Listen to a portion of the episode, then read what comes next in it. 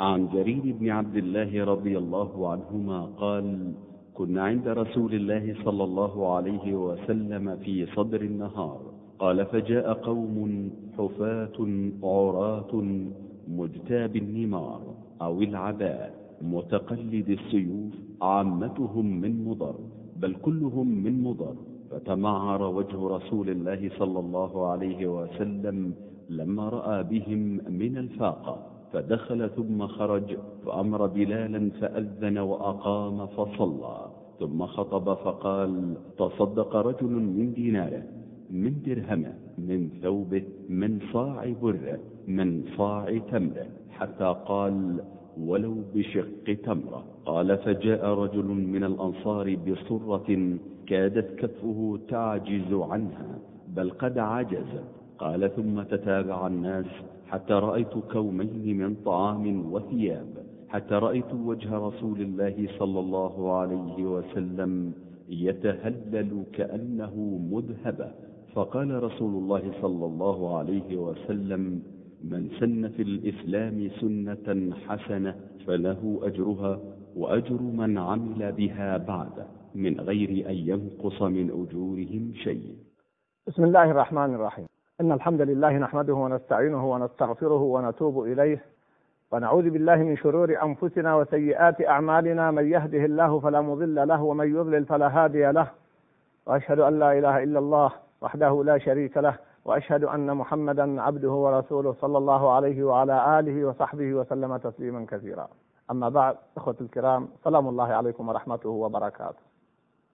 وهذا الحديث مرة أخرى ينقل لنا صورة واقعية من صورة ذلك المجتمع المسلم. ذلك الجيل الذي لم ولن يخرج مثله على مدار التاريخ.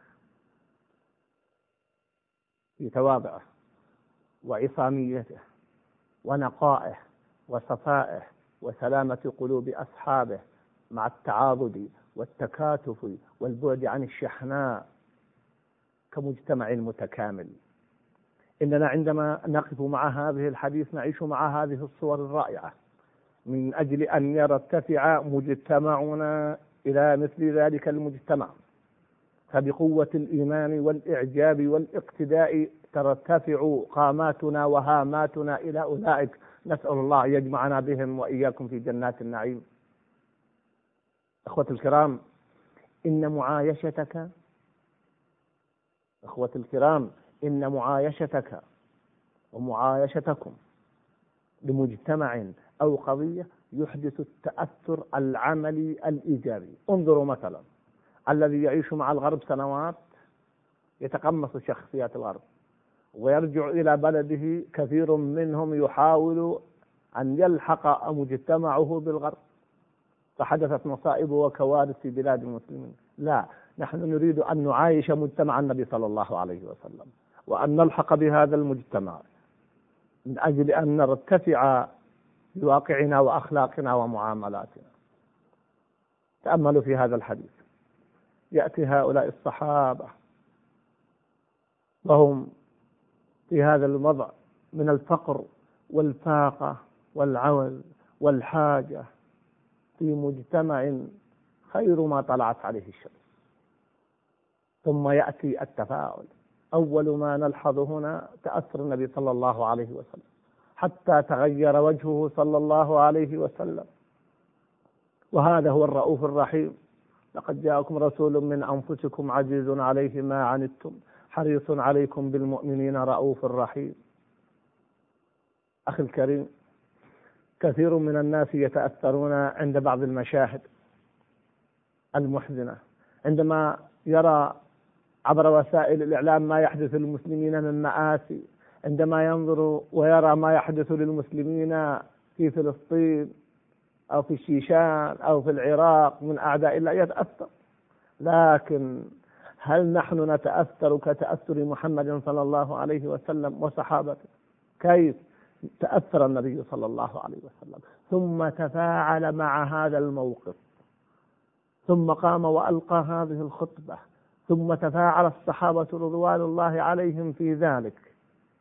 التأثر وحده ليس هو المقصود. إذا لم يكن خلف التأثر عمل إيجابي ما فائدة ذلك؟ ما فائدة أن نتأثر؟ لكننا لا نقدم أي مساعدة بل ولا حتى الدعاء لإخواننا المستضعفين في مشارق الأرض ومغاربها. هذا هو الفرق نعم هناك من يتأثر وهناك من يعمل وهم كثير والحمد لله في مجتمع المسلم. لكنني أتكلم بصورة أعم. أيضا نجد في تجاه ذلك أنه كما تأثر النبي صلى الله عليه وسلم لما رأى هذه الحاجة والفاقة والعوز والبؤس والفقر فرح فرحا شديدا عندما جاء الصحابة وتفاعلوا معه وبدأوا يأتون بما عندهم على قدر حقاقتهم وحاجتهم. ففرح فرحا حتى أصبحت أسارير وجهه والبشر على وجهه قارنوا بين المشهدين. المشهد الأول في تأثره وتمعر وجهه وضيقه صلى الله عليه وسلم وفرحه واستبشاره. عندما رأى هذا التفاعل والتجاوب ورأى هذا الطعام والنفقة في المسجد لهؤلاء هكذا يكون القائد وهكذا يكون الرائد. يكون مع الناس يعايش همومهم وشجونهم وشؤونهم. لا يستأثر بشيء عنهم. هل يليق بالأب في بيته أن يأكل طعاما خاصا وأولاده ينظرون؟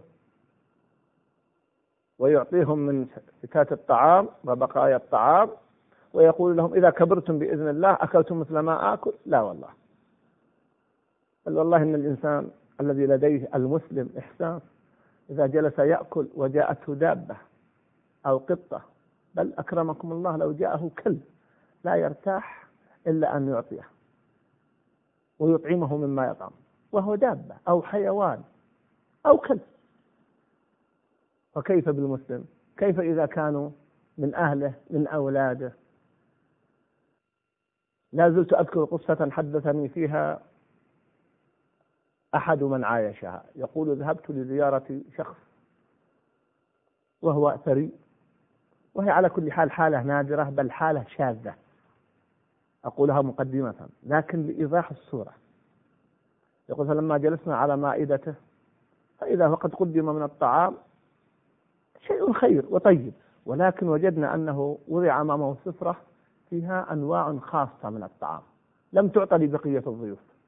وقال لهم كلمة. قال أيها الأخوان أنا لي طعام خاص اعذروني. بالعادة الذي عنده طعام خاص يأكل أقل من الناس. يأكل أطعمة لأنه منع من هذا أو هذا. أما أن يأكل أطايب الطعام ويأكل أحسن الطعام والبقية يأكلون من أطعمة طيبة ويقول أنا هذا طعامي خاص حقيقة هذا المشهد حاولت أن أنساه فلم أستطع. وإن كنت أقول هي حالة شاذة بل نادرة بل مستقبحة لكنها تصور الفرق. فكذلك في عموم الحياة.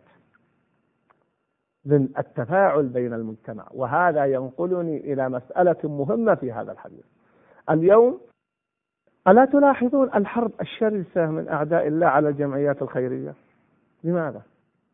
لأنهم رأوا أثرها ونفعها في بلاد المسلمين. وما صح لهم وما جعلوه وسيلة لتبشيرهم ونصرانيتهم حرموه على المسلمين. الجمعيات النصرانية الخيرية تملأ الأرض وتسهل لها كل السبل.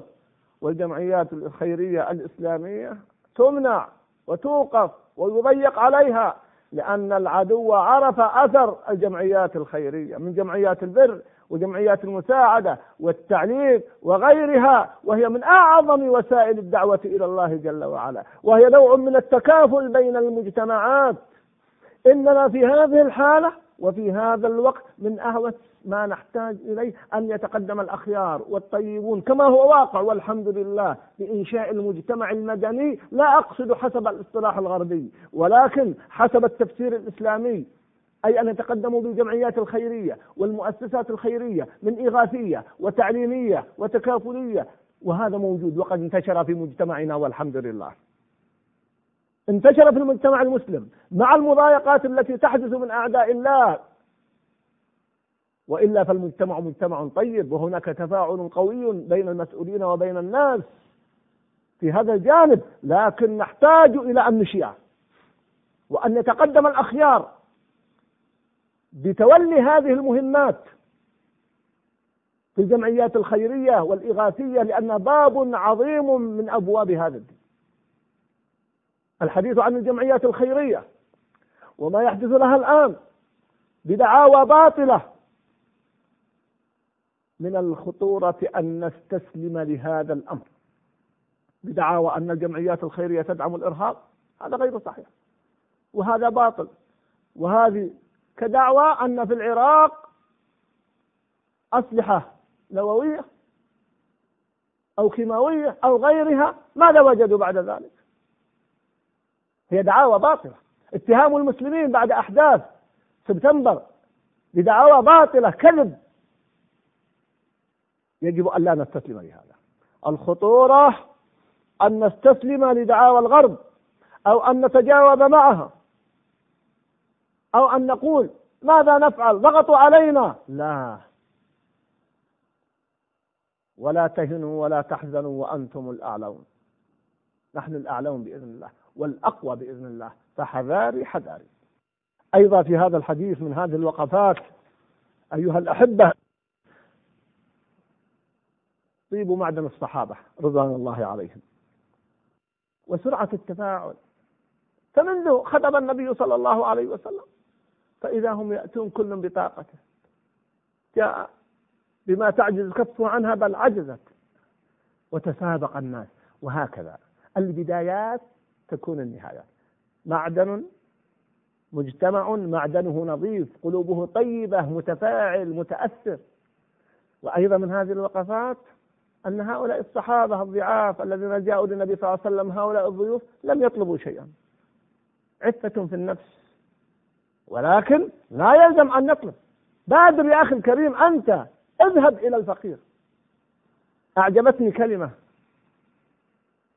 شعار أطلقته بعض الجمعيات الخيرية لدينا بعنوان اتصل نصل. كيف؟ يقولون للمحتاج لا يحتاج أن تأتي إلينا. مجرد أن تعطينا إشارة نحن نذهب إليك في بيتك وفي منزلك.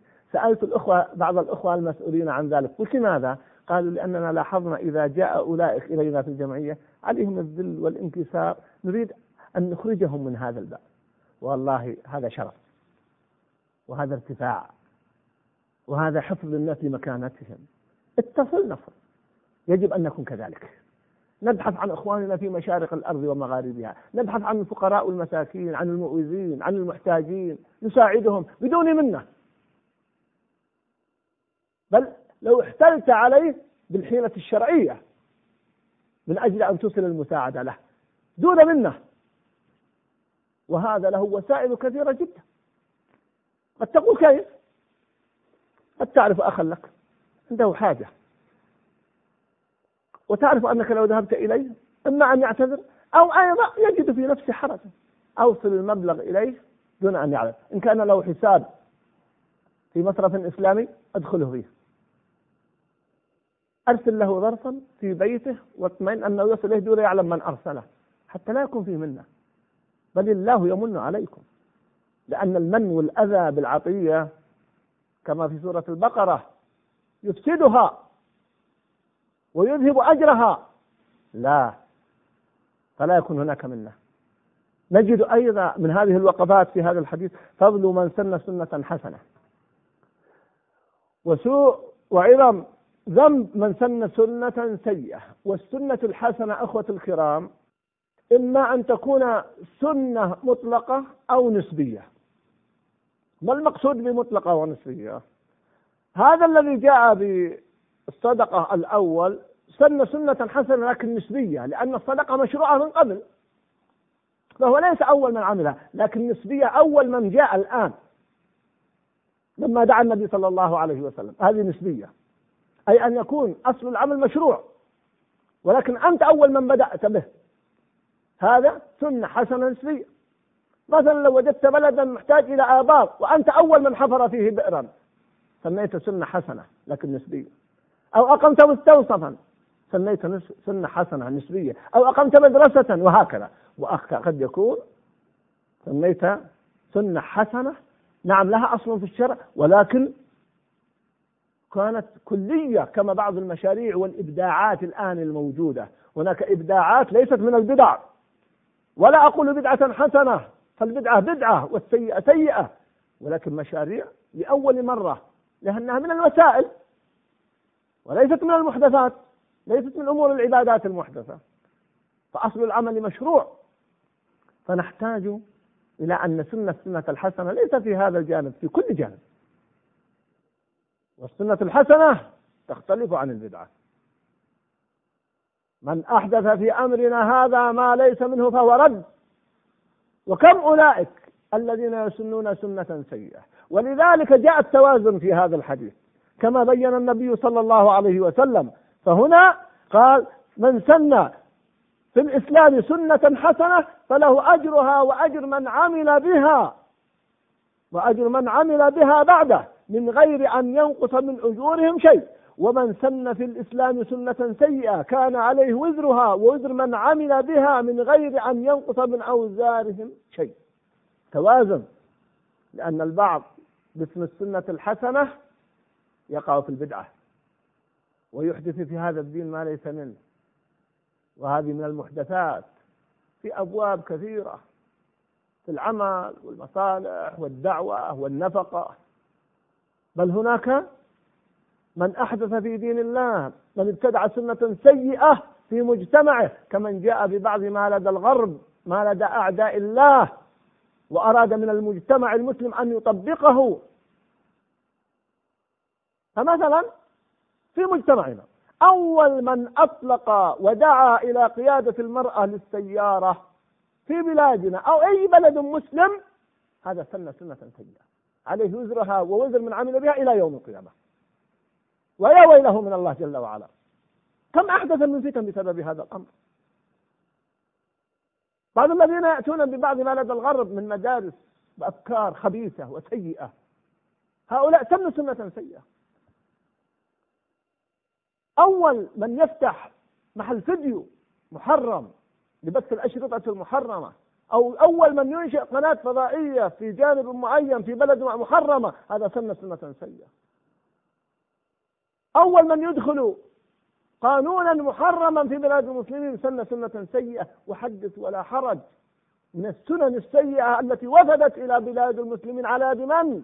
على يد بعض أبناء المسلمين. هؤلاء سنوا سنة سيئة. فيا ويلهم. كما أن أحد ابني آدم عندما قتل أخاه أول من سن القتل فعليه الوزر في كل قضية قتل ظلما إلى يوم القيامة. فحذاري إن لم تستطع يا أخي الكريم أن تسن سنة حسنة فحذاري أن تسن سنة سيئة. أختي الكريمة في قضية المرأة وهي قضية مطروحة جدا في مجتمعنا إن لم تسن يا أختي الكريمة سنة حسنة لإنقاذ المرأة من البلاء الذي هي فيه فحذاري أن تسني سنة سيئة. الأمر عظيم وجد. انظر ما مضى من عمرك. ماذا قدمت من خير لمجتمعك؟ ماذا سننت من سنة حسنة لأمتك؟ وأعوذك بالله أن تكون ممن قدم سنة سيئة لهذا المجتمع أو لعائلتك أو في بيتك أو أمتك. أسأل الله جل وعلا أن يجعلنا وإياكم ممن يلتزم بسنة المصطفى صلى الله عليه وسلم وأن سنة سنة حسنة في حياتنا. أقول قولي هذا وأسأل الله لي ولكم التوفيق والسداد وحسن الاتباع. والسلام عليكم ورحمة الله وبركاته.